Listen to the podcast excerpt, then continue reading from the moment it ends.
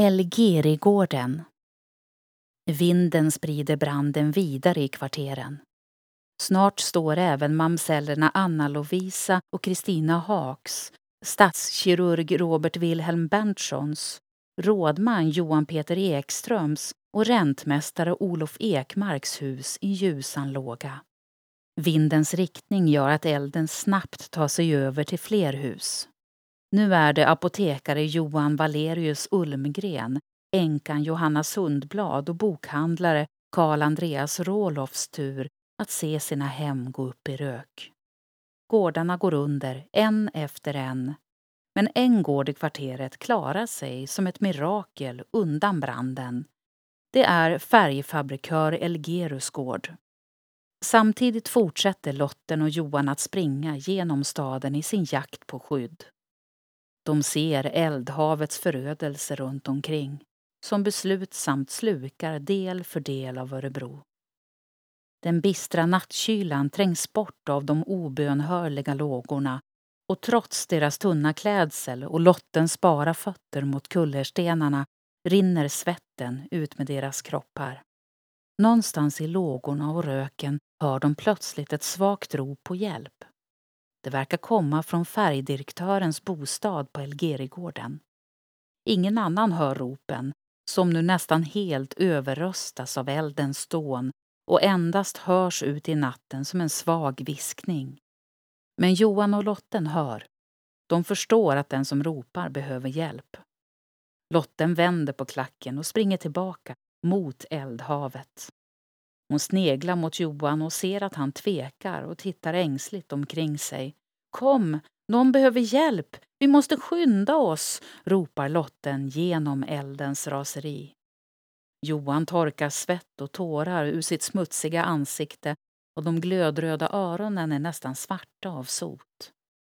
Om han bara kunde vrida klockan tillbaka till sitt lugna, trygga hem med familjen omkring sig. Men han vet varken om hemmet eller familjen finns kvar. Johan backar och springer snubblande från Lotten. Han vill inte, kan inte, vågar inte. Hur skulle han, som killarna i klassen kastar sten på, våga kasta sig rakt in i branden?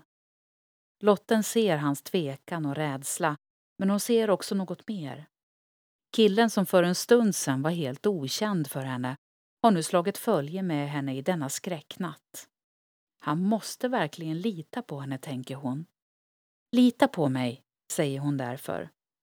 Deras blickar möts och plötsligt ser Johan att hon tror på honom. Han vänder sig därför om och springer med lotten mot elden. Framme vid Elgeregården pågår det febril aktivitet. Vinden har vänt, så eldens lågor når inte fram till huset och den ståtliga träbyggnaden är bara ytligt svedd av elden. Men ropen fortsätter och de inser att de kommer från huset bredvid. Karl, som retas på skolan och får med sig hela klassen att ropa glödöra, glödöra. En kraftig träbjälke har lossnat från det brinnande huset och ramlat ner precis framför dörren, så den är omöjligt tung för någon att öppna inifrån. Karl är fast i ett brinnande hav bakom en ogenomtränglig vägg av eld. Johan ryggar tillbaka så fort han hör att det är Karls hesa röst i huset. Inte kan han hjälpa Karl. Hur skulle det se ut? Tänk om han skulle misslyckas, klanta sig och sen bli utskrattad av hela skolan. Men Lotten verkar ha förträngt all rädsla och har bara en sak i sikte, att rädda Karl. Lotten tar Johans hand och för en sekund står de hand i hand i den outhärdliga hettan och de desperata skriken omkring dem. Deras bröst värker av den svarta röken. Men plötsligt känns något annat än förtvivlan och sot i deras bröst. De ser varandra i ögonen och deras blickar säger bara en sak. Nu gäller det. Mitt i allt kaos känner de hopp. Hopp om att de två gemensamt kan rädda Karl. Johan rusar fram till frivilligkåren som leds av bokbindaren. Johan försöker överrösta elden och pekar och gestikulerar. Bokbindaren vänder sig om och förstår att han behöver hjälpa ungdomarna att ta sig in i elden. Han riktar vattensprutan och dropparna som sprutar rakt in i lågorna skapar en smal öppning. Johan och Lotten springer igenom och tar sig fram till bjälken framför dörren. Ett, två, tre! ropar Lotten och med gemensamma krafter lyckas de rubba på den så att det ger ett litet utrymme framför dörren. Johan öppnar dörren och tar ett kraftigt tag i Karl som står alldeles orörlig av skräck innanför. Kom, nu ska vi ut, skriker han. Karl tar ett steg, sedan två och så är han utanför huset. Upplev flera berättelser och objekt på plats med Geostory-appen. I appen kan du också tävla om att bli väktare och beskyddare för dessa. Finns där appar finns. Har du förslag på intressanta och bra berättelser som du tycker borde finnas i Geostory?